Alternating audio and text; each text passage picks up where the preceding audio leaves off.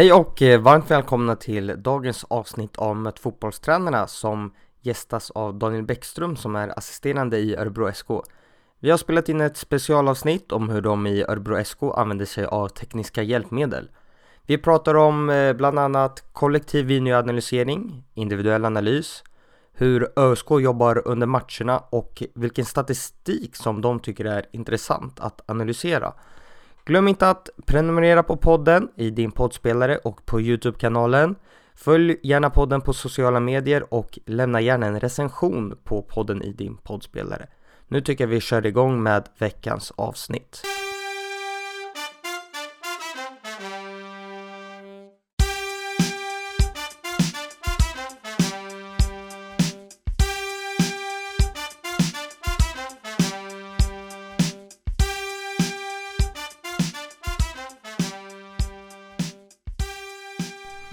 Varmt välkommen Daniel Bäckström till Möt fotbollstränarna för andra gången. Tack så mycket. Hur är läget med dig idag? Jag mår jättebra. Ni möter GIF Sundsvall imorgon på lördag. Hur är mm. känslan inför matchen? Den är, den är bra den också. Ehm, vi har ju haft ett ganska långt break i och med att det var landslagsuppehåll.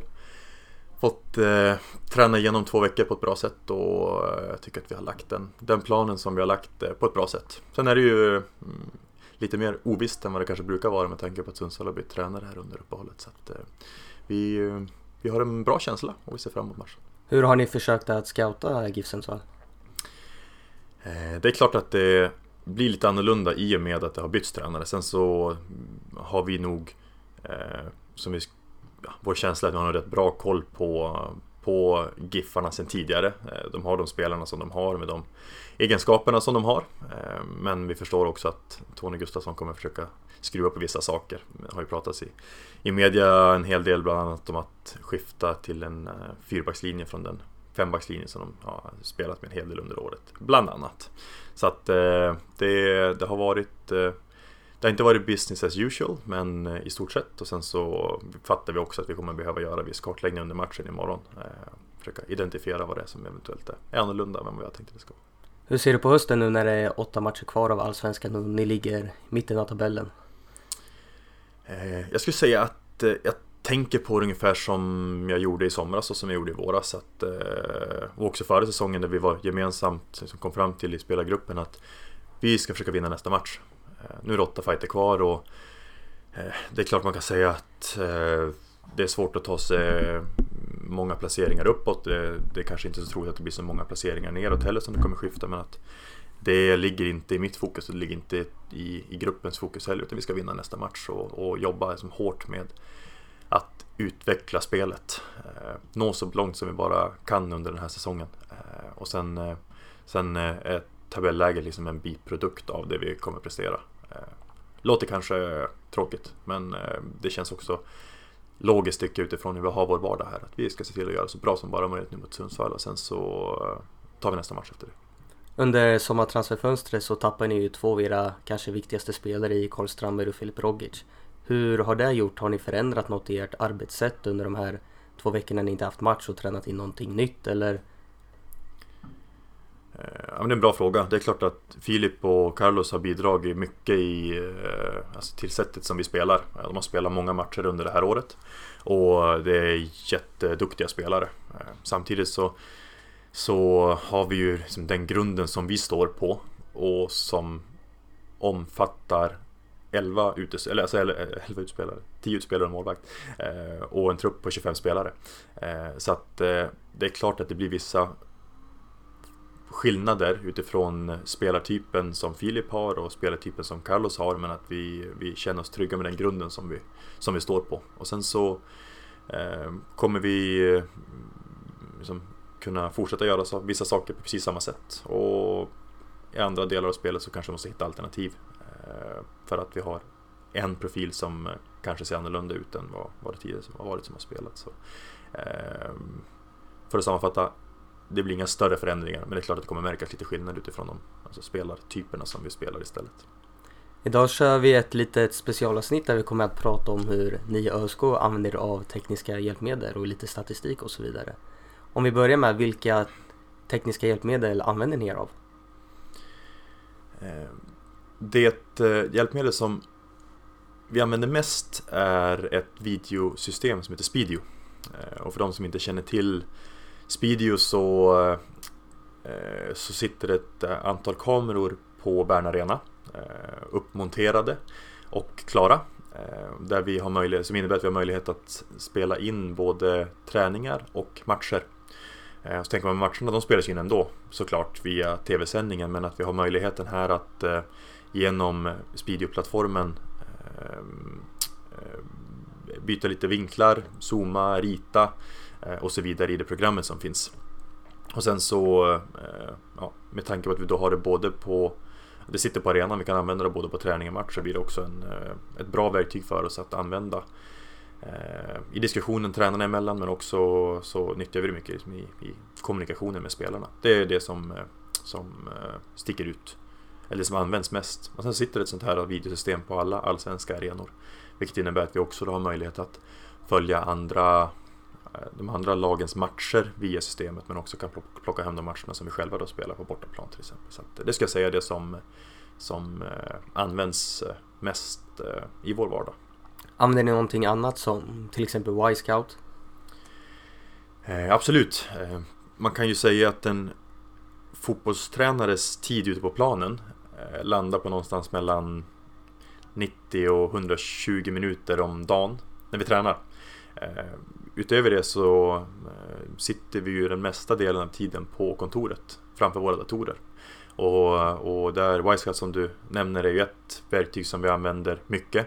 Där vi kan hämta hem eh, eh, matcher och också liksom få hjälp i scoutingen mer specifikt utifrån att de taggar en hel del olika typer av händelser, matchhändelser.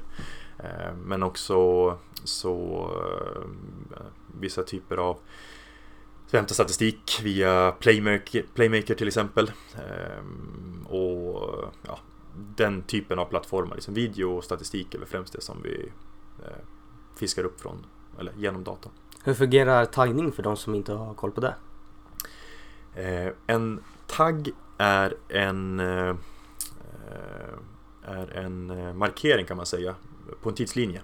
Och en match som spelas under 90 minuter eh, så, så underlättar det när vi kan markera händelser i matchen eh, för att snabbare kunna leta reda på de här händelserna. Enkelt exempel så, så blir det mål så sätts det en tagg för det målet. En markering alltså på tidslinjen och sen ska vi snabbt hoppa fram till minut, jag, 33 för att se det här målet. Eh, sen kan man ju bryta ner det här och, och göra det mer detaljerat och, och liksom på en djupare nivå än mål. Vi kan också prata om eh, de gångerna vi har bollen i backlinjen eller de gångerna vi har offensiva hörner eller vad det nu kan vara. Så att, eh, taggningen hjälper oss att snabbt navigera över 90 minuter fotbollsmatch för att hitta saker som eh, passar det vi just pratar om då. Vinner, vi... tid, vinner tid helt enkelt. Vi tar en hypotes som exempel. Nu när ni möter GIF Sundsvall imorgon efter matchen, hur ser arbetet ut efter det med matchanalys och så vidare? Ehm, det, eh, man kan säga att analysen den börjar samtidigt som matchen startar. Eh, vi har gjort ett förarbete eh, för att få en uppfattning om hur Sundsvall kommer spela. Sen under matchen så, så taggar vi matchen under tiden att den spelas. Och det kan vi göra, det gör vi från bänken genom, genom Speedio-systemet i, i en iPad. Så Jonas Bolin som är målvaktstränare hos oss, han sköter taggningen. Vilket innebär att vi Eh, alltså både under matchen, i halvtidspausen och efter matchen har egentligen direkt tillgång till situationer som vi eventuellt känner att vi vill titta på. Eh, till exempel om eh, det har varit eh, eh, en hörnsituation som vi känner att vi vill lära oss mer om. Då kan vi snabbt fiska upp den i, i halvtidspausen för att kolla på den. Så det är ju som en del av analysen. Eh, sen så har vi de två dagarna som är efter matchen, alltså matchdagen plus en dag och matchdag plus två dagar. Eh, det är vår återhämtningsfas och där sker det mesta av efteranalysen efter en match.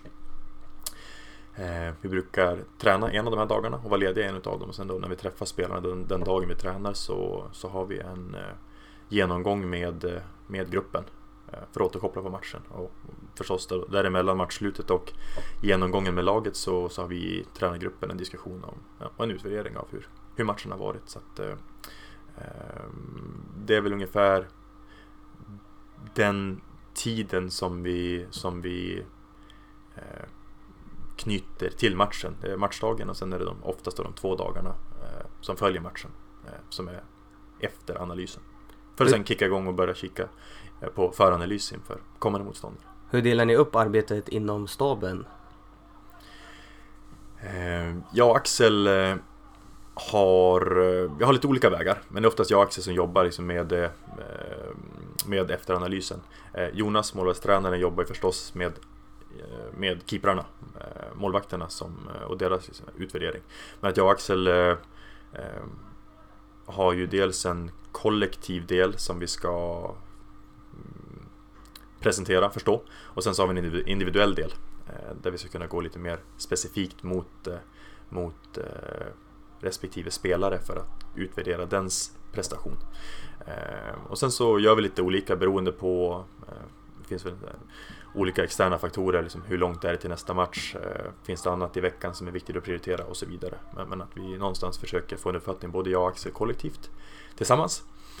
Axel står för presentationen mot spelarna sen på, på genomgången och sen så jobbar jag mycket med det individuella i att förbereda klipp och också oftast hålla, eller håller majoriteten av de, de äh, träffarna på, på individnivå.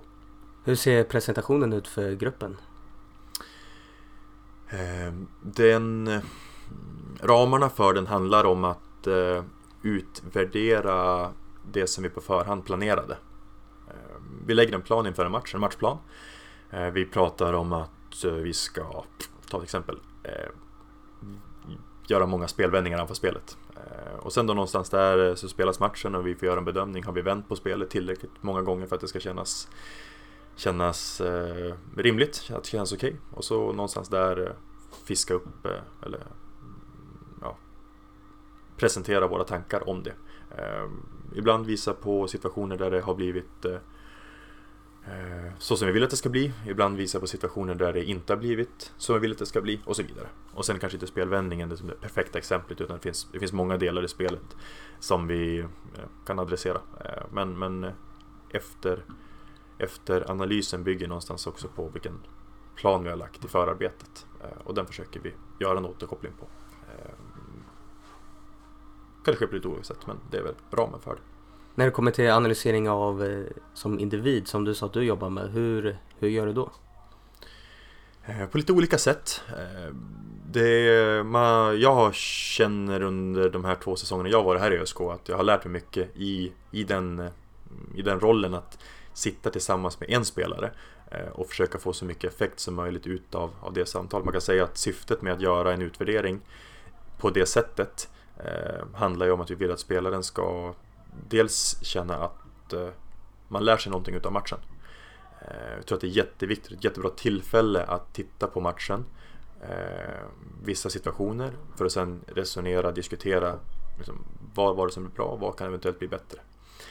Det är nummer ett. Och sen ett annat syfte att också spelaren ska känna sig sedd och viktig. Att prata inför en grupp på 25 personer gör man ofta som tränare. För laget ska få informationen. Men när när jag som tränare tillsammans med en spelare eller kanske två eller tre spelare, om vi pratar en lagdel till exempel, kan, kan sitta och verkligen highlighta saker som är relevant för den spelaren eller för de spelarna så, så är vår känsla att vi kan få effekt även där. Så ibland är det stora kollektiva och ibland är det eh, mer individuella eller i, i, i, en mindre grupp. Och, och det man då har chansen att göra är ju att man kan zooma in ännu mer på situationer som är relevant för, eh, för just den spelaren. Eh, sitter jag tillsammans med Mikael Almebäck och tittar på, på hans klipp så kommer ju det handla om eh, mittbackssituationer på olika sätt. Det är klart att det kan vara bra för Micke också att veta hur våra forwards ska agera när de försvarar. Det kan vara bra. Men, men vi tror också att det finns en effekt när man kan zooma in mer specifikt och titta på fler situationer där det då i det här fallet med Micke skulle handla om situationer där han som mittback får, får får eh, ja, vara med och, delta där. Hur många klipp kan det vara som du visar för en individ? Eh, just nu så eh, de senaste veckorna så jobbar vi enligt den modellen att jag sammanställer någonstans mellan 10 och 20 klipp. skickar de klippen till den här spelaren Ehm, skriver ett litet sms att nu, nu ligger klippen uppe, in och kika på dem och sen så stämmer vi av imorgon. Så sen, sen då på, på träningen dagen efter, antingen före träningen eller efter träningen så, så har vi då en genomgång. Viktigt är att spelaren ska ha fått en chans att eh, titta igenom klippen. Kanske så väcks det någon ny idé, någon ny tanke. Det görs en liten utvärdering, medvetet eller omedvetet. Och sen när vi sitter ner så, så handlar mycket, så som vi har jobbat de senaste veckorna, om att spelaren ska känna ett ansvar för att driva diskussionen. Ehm, det, ibland så kan det vara bra att jag som tränare leder eh, och ramar in diskussionen och säger att det här är bra, det här är inte bra, så här borde du ha gjort istället eller vad det nu kan vara. Men eh, är någonting som jag känner att jag har fått, fått eh, bra effekt på de senaste veckorna så är det just att låta spelaren leda. Ehm, starta, stoppa klippen, rita, berätta så här tänkte jag i det här läget. Ehm, jag borde kanske ha gjort så här istället och så vidare. Och sen så, så finns jag där och, och istället för att kanske eh, vara, vara liksom den tydliga instruktören till exempel, mer kan vara eh, bollande och eh, resonerande. Sen så eh, som jag sa, jag har suttit i många sådana samtal och testat sig fram lite grann. Just nu så tycker jag att det här funkar på ett bra sätt och, och har också testat många andra sätt. Men, men jag gillar den jag gillar den idén om att spelaren ska få känna sin delaktighet och att det också är viktigt att vad spelaren tycker och tänker. Eh, jag kan ju förstås säga att här tycker jag att du ska göra så här. Men det kan också vara så att spelaren som har varit i situationen och på något sätt då kanske äger den eh, har, har eh, motiveringar eller argument för varför man valde att inte göra sig så och istället valde att göra någonting annat. Och jag tycker att det där blir fina, fina diskussioner många gånger.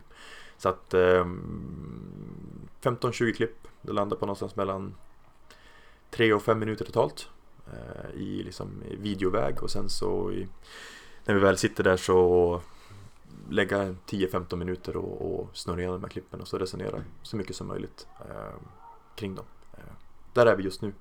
Sen så kommer jag säkert kunna ha ett annorlunda svar om en månad eller om ett halvår för jag känner hela tiden att det utvecklas. Eh, och, och man behöver skruva på metoden för att få så stor effekt av det som möjligt. Svårt att mäta, men, men just nu så känns det här som ett värdefullt sätt att jobba på.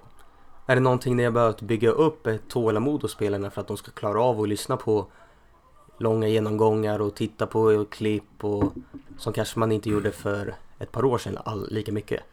Jag tror absolut att, eh, att eh, man kan träna sig själv och att bli bättre. Att, eh, att eh, sitta i sitta i den här typen av samtal.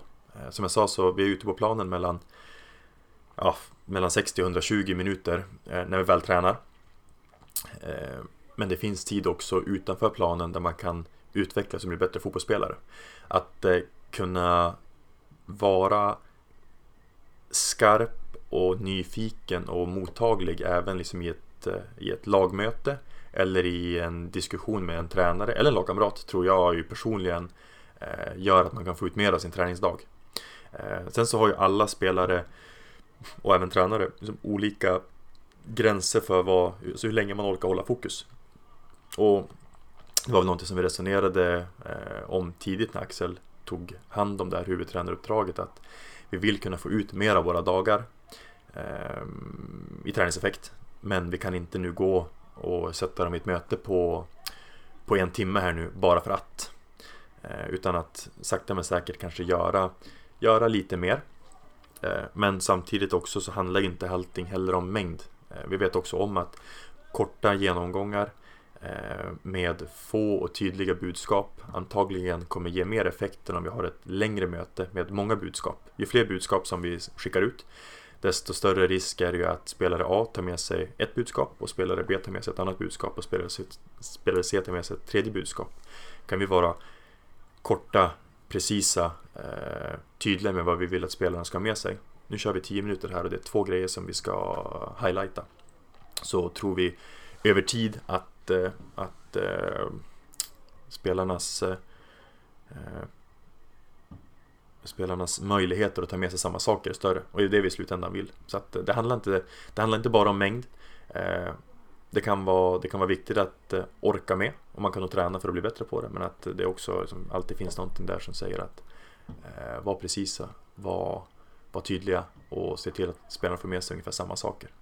Så att viss träning för att klara mängden men inte, inte bara det.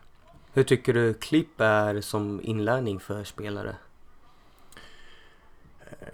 Jag tror ju att eh, video kontra de andra teoretiska alternativen som finns eh, är det som bör rankas högst.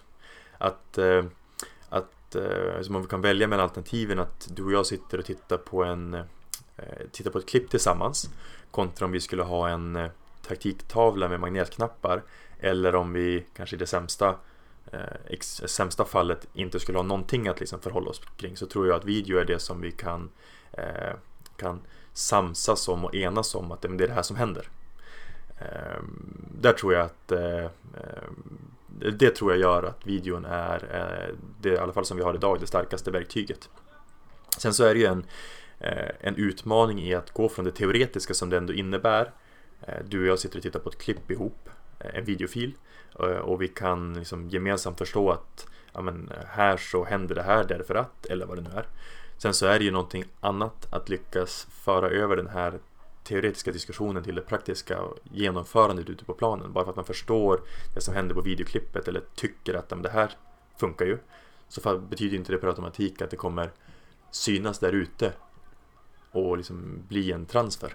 Så det är en stor utmaning. Jag tror att det är ett bra verktyg men det, det är också viktigt att vi lyckas koppla den teorin mot det praktiska in i träningen och sen vidare ut i matchen. Liksom. Och det blir för oss som tränare betydelsefullt att jobba med, med smarta och väldesignade träningar. Eh, liksom övningar som, som rullar på, på naturliga sätt och så vidare. Eh, och sen så när man bakar ihop allt det här så hoppas man ju att, att eh, det ska bli någon typ av effekt. Vi ska prestera bra på matchen. Ni filmar ju alla träningar eller? Ja. Hur jobbar ni med eh, klippen från träning? Um, det är uh, Det är löst på ett bra sätt så att uh, jag kan uh, via min min Apple Watch tagga träningen live på planen.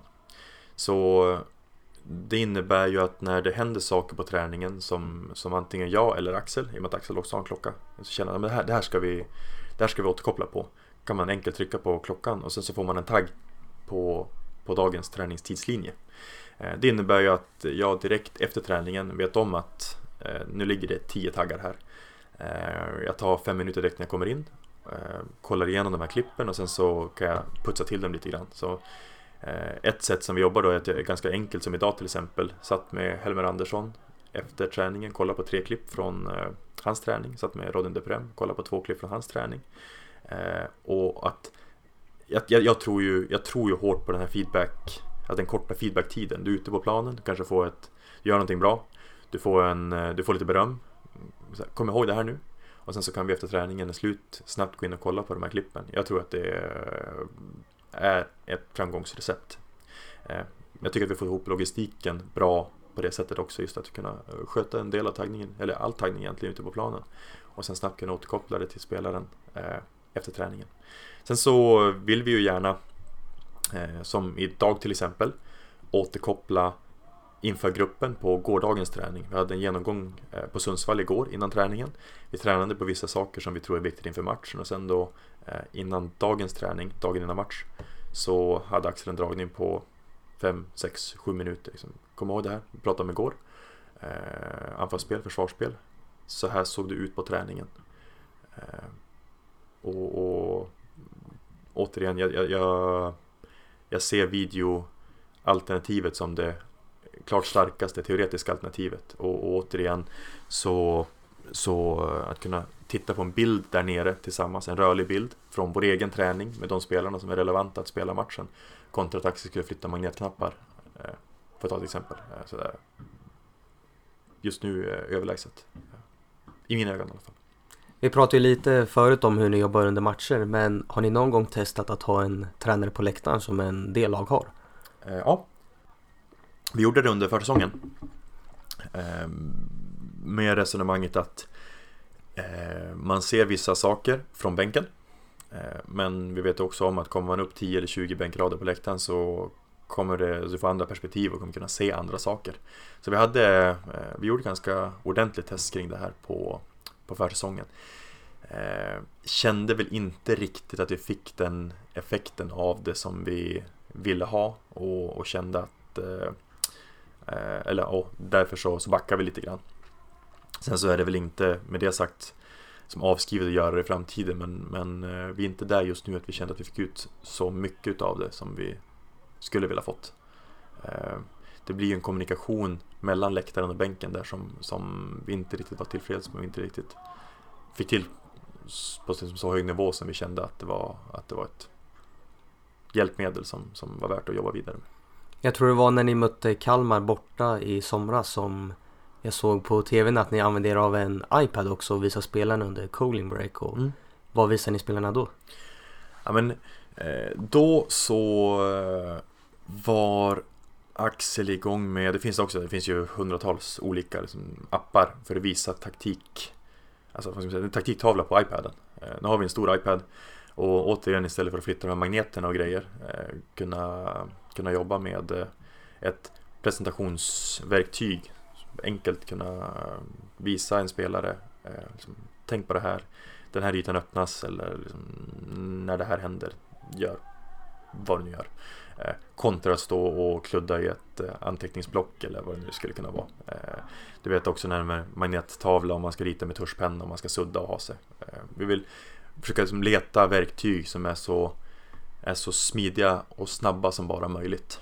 Eh, och sen eh, funkar det bra också, vi pratar om den här taktikappen så är det någonting som vi använder eh, också i våra genomgångar. Vi tror att vi, alltså när vi kan använda verktyg, samma verktyg även om det är olika sammanhang. Innan träningarna så använder vi den appen Visa taktiktavlan. I halvtidspauserna på matcherna så jobbar vi med appen Visa taktiktavlan.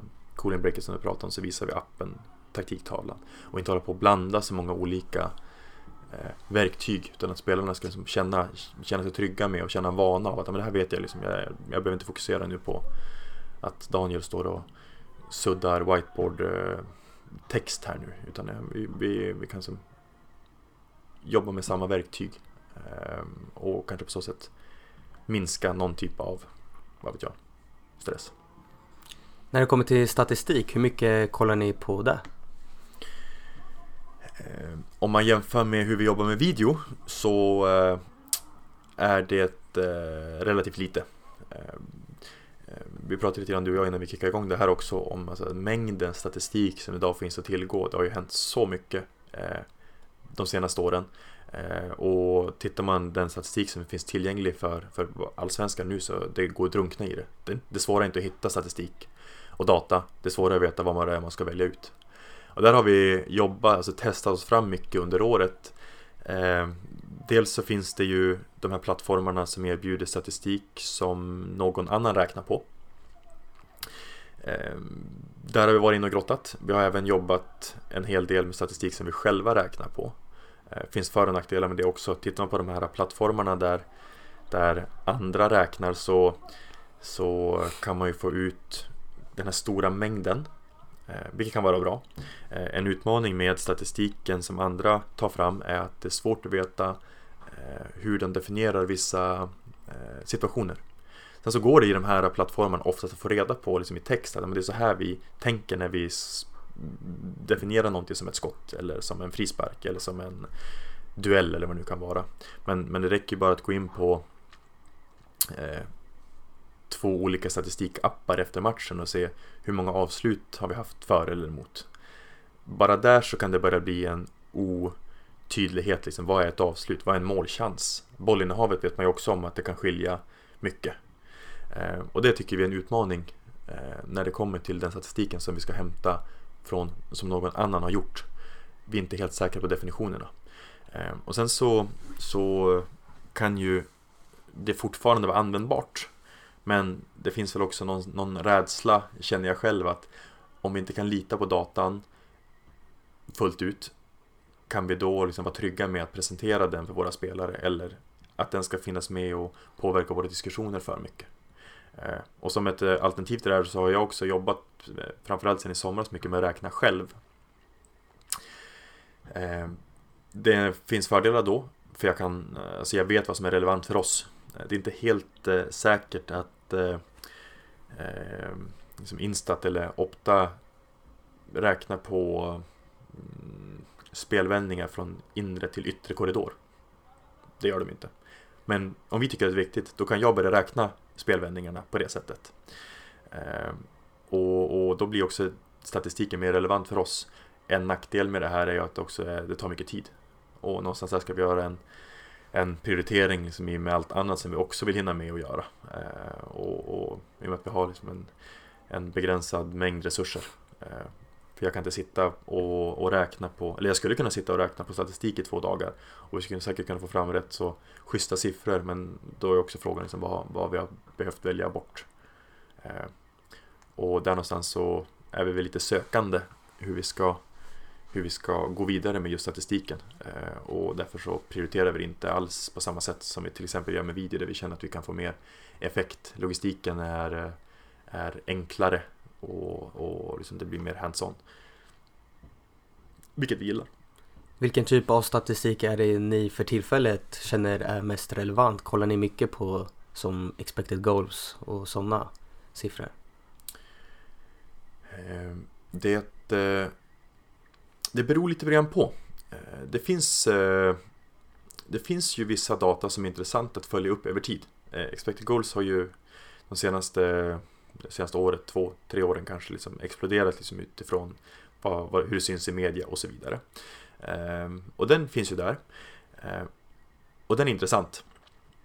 Det finns många andra saker som också är intressanta. Vi kan gå på tittade Titta liksom i morse på hur, hur vi har presterat på våra hörner Offensivt och defensivt, också intressant. Eh, vi kan titta på skapade målchanser, intressant. Hur många gånger vi har kommit in bakom motståndarnas backlinje, intressant. Eh, för att ta några. Men, men det är också den att det gäller, alltså statistiken mm, Det gäller att eh, hitta en väg för hur vi ska använda statistiken framåt. Statistiken säger ju någonting om hur det har sett ut bakåt. Ja, nu har vi 22,5 i eh, expected goals värde. Eh, vi har gjort eh, 24 mål. Eller vi har gjort 20 mål. Och det är intressant. Men frågan är vad som blir framåt. Är det någonting som vi ska göra annorlunda på grund av att det är så? Eller är det mer bara att konstatera att okej, okay, så här har det sett ut. För statistiken beskriver någonting bakåt, den säger inte så mycket om vad som kommer att hända framåt. Och sen så är det ju också så att vi spelar 30 matcher på en säsong. Kan man tänka, men det är mycket.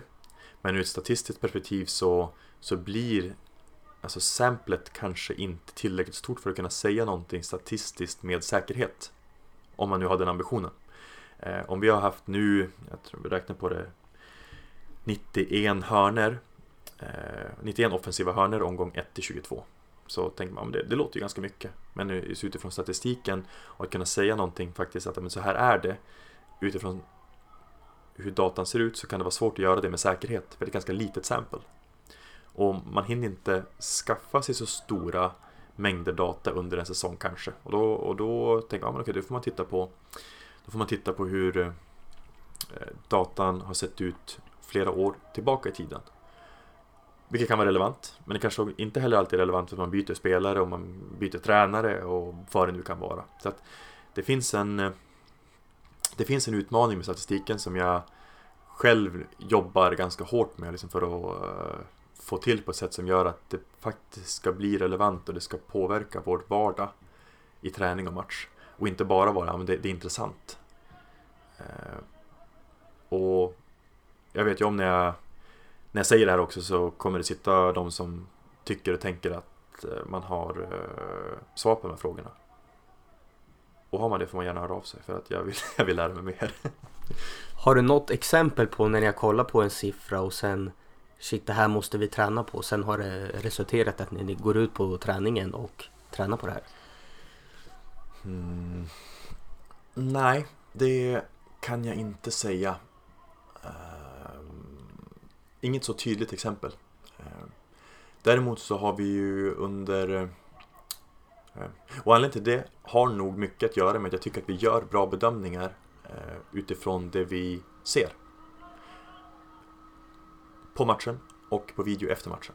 Eh, jag tycker att de diskussioner som vi har de kan nog berikas av statistiken men det är att vi har tyckt och tänkt en sak utifrån det vi sett tittat på siffrorna och sen helt vänt och sagt att okej, okay, vi har något fel här.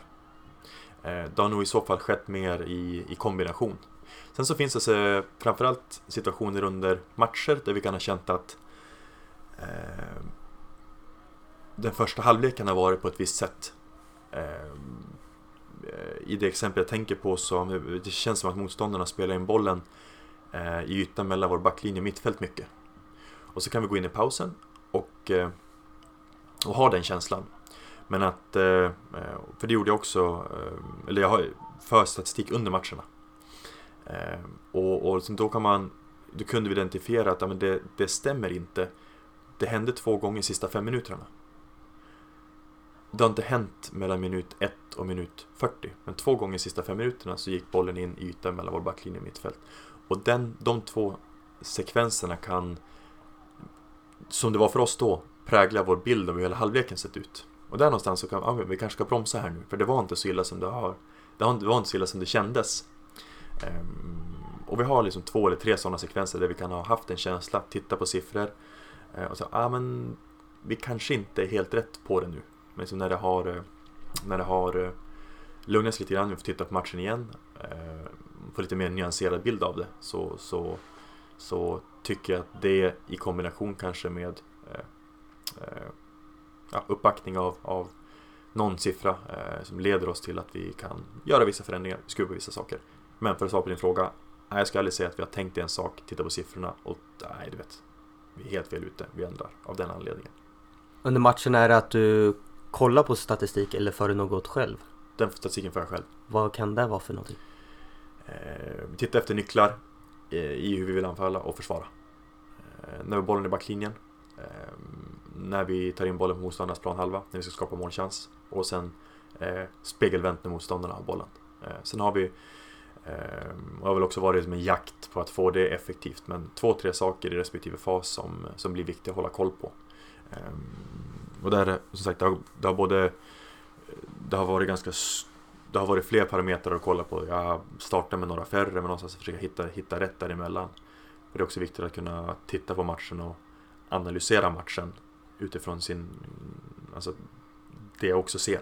Men att siffrorna kan finnas där och, och hjälpa till kanske någon gång.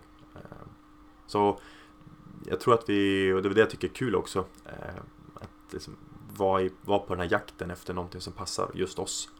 Eh, och, och vara också tillfreds med att någonting som vi har gjort förra veckan kanske inte känns lika bra längre. För att vi har kommit på någonting bättre den här veckan. Och det är väl också något där tecken på utveckling som, som borde driva oss framåt över tid.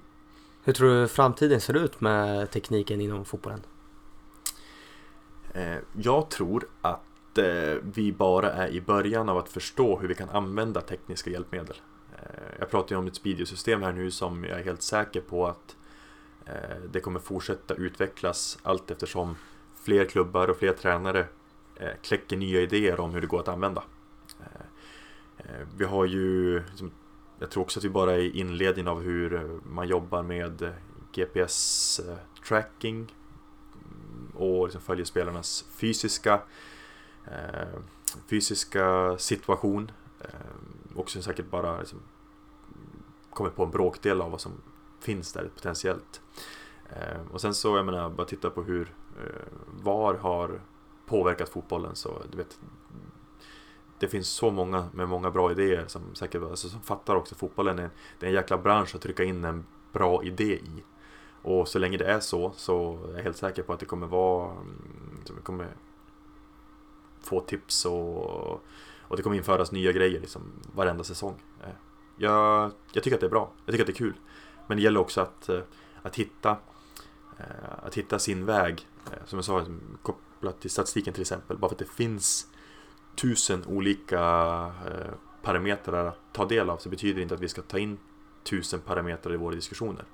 Vi måste bli skarpa där och bara för att det finns tusen hörner på motståndaren att titta på på Y-scout så betyder det inte att vi ska titta på alla tusen. hitta någonstans sin väg. Så det blir väl fotbollstränarens uppgift att, att sortera i allt det här och, och hitta, hitta de här bästa verktygen. Det är väl det jag tänker spontant om, om framtiden. Stort tack Daniel att du tog dig tid och lycka till mot Sundsvall imorgon. Tack så mycket.